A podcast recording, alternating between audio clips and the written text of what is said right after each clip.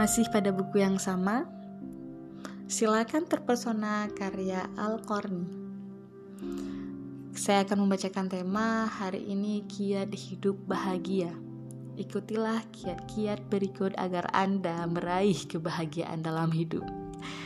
Yang pertama, selalu berusaha mendapatkan hidayah dari Allah, melaksanakan perintahnya, menjauhi kekafiran, kefasikan, dan kemaksiatan, serta menentang rayuan setan dan hawa nafsu. Kemudian memperbanyak ilmu yang berguna karena ia dapat melapangkan dada, memperbanyak pahala, meluhurkan nama, dan menghapuskan dosa.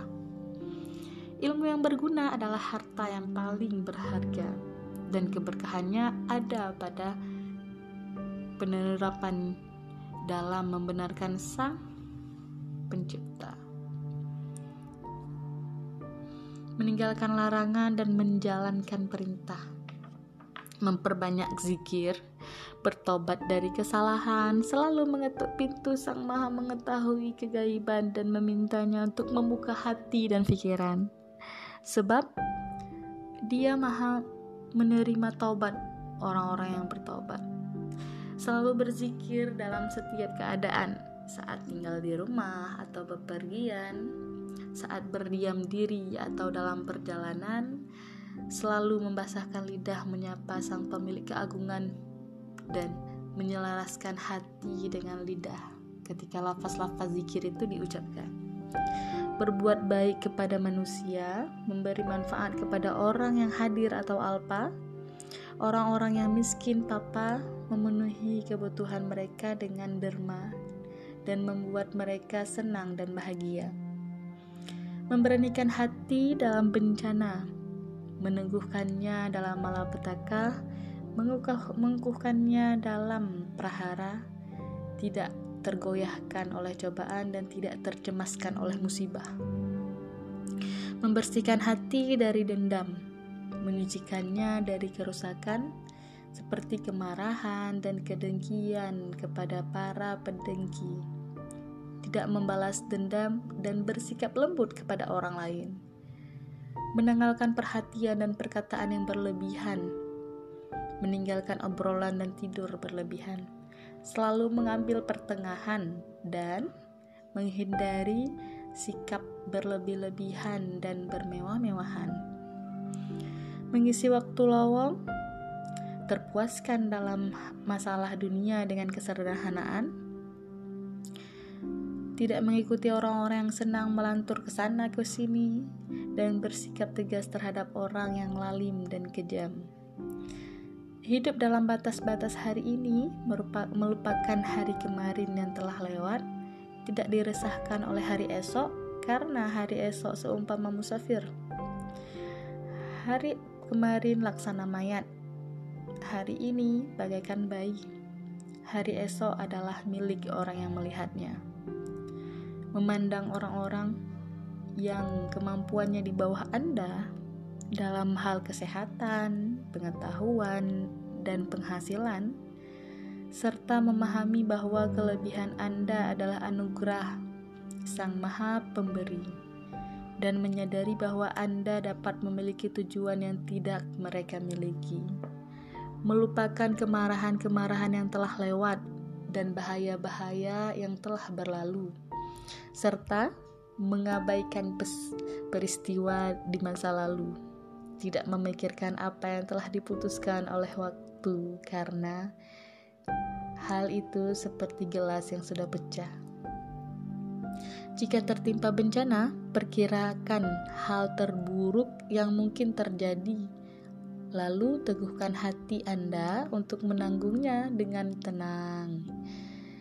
Dengan disertai kepasrahan dan ketaatan kepada Allah karena dia telah mencukupi Anda pada masa lalu dan akan mencukupi, mencukupi Anda pada masa depan.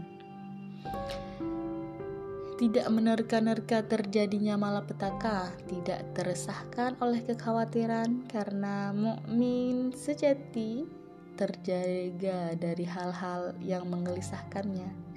Dan Anda pun tidak tahu, boleh jadi Anda tidak men mengenapi hari ini. Ketahuilah, hidup ini singkat. Jangan mempersingkatnya dengan berbagai pikiran yang menakutkan, kegelisahan yang meresahkan, dan kesedihan yang menggunung. Karena hidup ini adalah keceriaan dan kesenangan, dan Allah lah pemilik kebebasan yang penuh. Jika tertimpa nasib buruk, bandingkan apa yang masih ada dengan apa yang telah hilang, agar Anda sadar bahwa Anda baik-baik saja, bahwa masih banyak kesenangan yang tersisa, dan Anda yang memiliki jauh lebih banyak daripada yang hilang.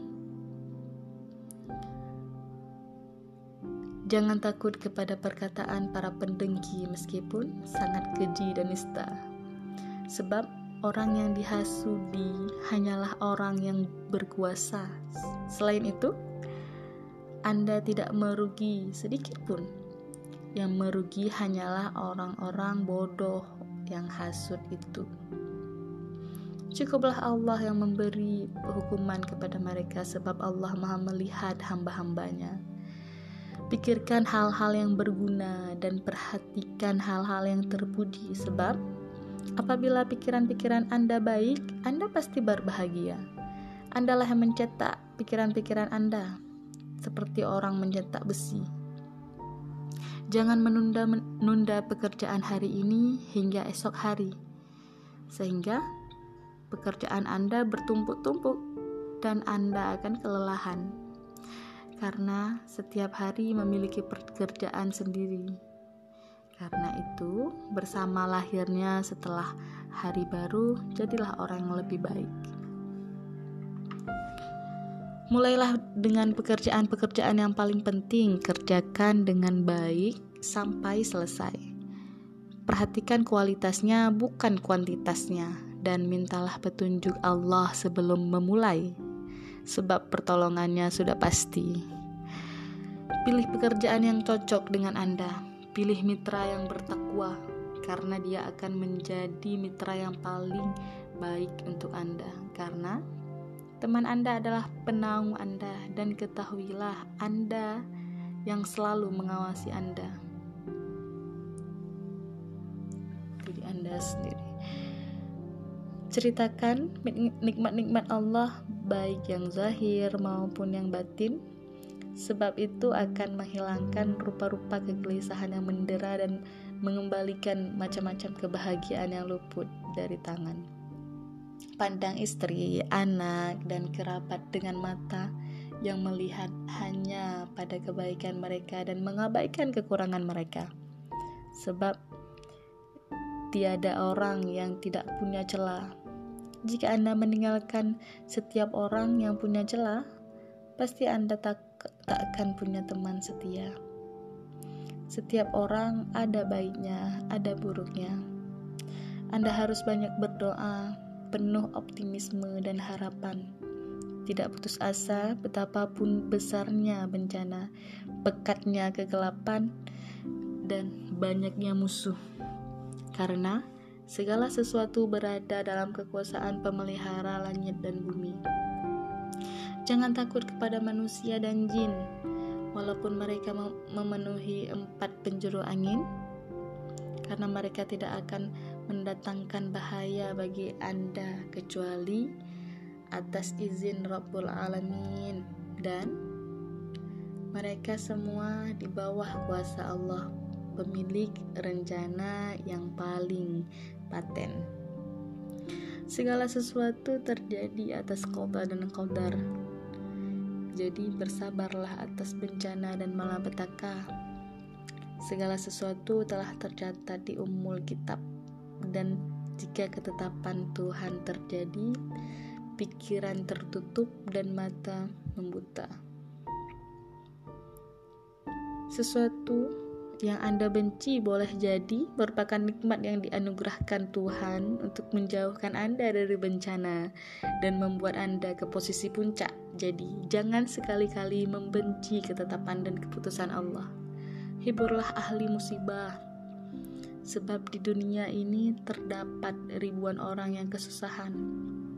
Manusia saling membutuhkan saat terjadi malapetaka, saling melupakan saat mendapat karunia, dan semuanya tunduk kepada takdir.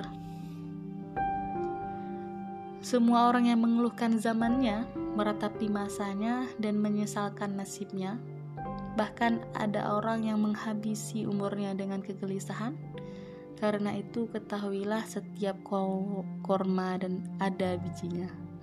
Tuh, hmm, ketahuilah setiap korma ada bijinya. Hmm. Ketahuilah kemudahan ada bersama dengan kesulitan. Bersama kesabaran ada kemenangan.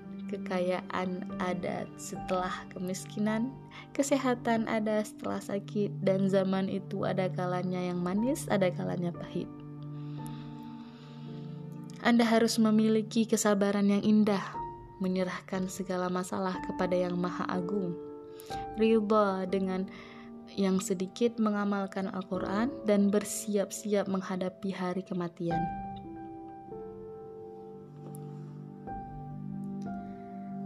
Ketahuilah, kemewahan hidup itu menyibukkan. Harta yang berlimpah-limpah itu membelenggu. Sambutan dunia itu menggelisahkan dan memberatkan. Dan nikmat yang paling baik adalah hati yang lapang. Segelas air tambah roti, di atas tikar yang bersih, di samping buku yang bagus lebih utama daripada kekuasaan, lebih nyaman daripada istana, karena tiada kekuasaan dan negara yang abadi abaikan penyinggung dan pengusik kehormatan Anda, serta pelontar kata-kata yang meresahkan. Jangan dengarkan dia sampai dia menyingkir sendiri, sebab dia seperti anjing yang mulutnya hanya dapat dibungkam dengan batu. Menurutku, hanya dalam kesendirian seseorang dapat menguasai agama dan akalnya dan terhindar dari orang-orang bodoh dan pandir. Jadi, betahlah tinggal di rumah, sebab tiada tempat seindah rumah. Jangan terkesima oleh sambutan manusia kepada Anda, sebab bersama waktu mereka akan meninggalkan Anda, dan mereka pun datang hanya karena ada kepentingan. Apa yang terjadi di masa lalu cukup sebagai pelajaran Anda. Kenakan pakaian putih bersih, pakai wangi-wangian yang segar, biasakan berolahraga, jangan banyak minum minuman penambah tenaga yang berbahaya dan lazimkan membaca wirid-wirid agama. Dan yang terakhir, ulang-ulanglah doa Zunnun yaitu Nabi Idris alaihissalam banyak-banyaklah mengingat kematian, anggaplah segala perkara ringan. Niscaya ia pun akan menjadi ringan. Jangan ridho dengan sedikit dalam masalah agama. Jangan ridholah yang sedikit dalam masalah dunia. Maha suci Tuhan, Sang Perkasa, sang perkasa dari segala sifat yang mereka lekatkan kepadanya. Doa Nabi Idris alaihissalam atau Zunnun doanya adalah La ilaha illa subhanaka inni kuntu minal zalimin yang artinya tiada Tuhan selain engkau maha suci engkau sungguh aku termasuk orang-orang yang zalim. Terima kasih. Assalamualaikum warahmatullahi wabarakatuh.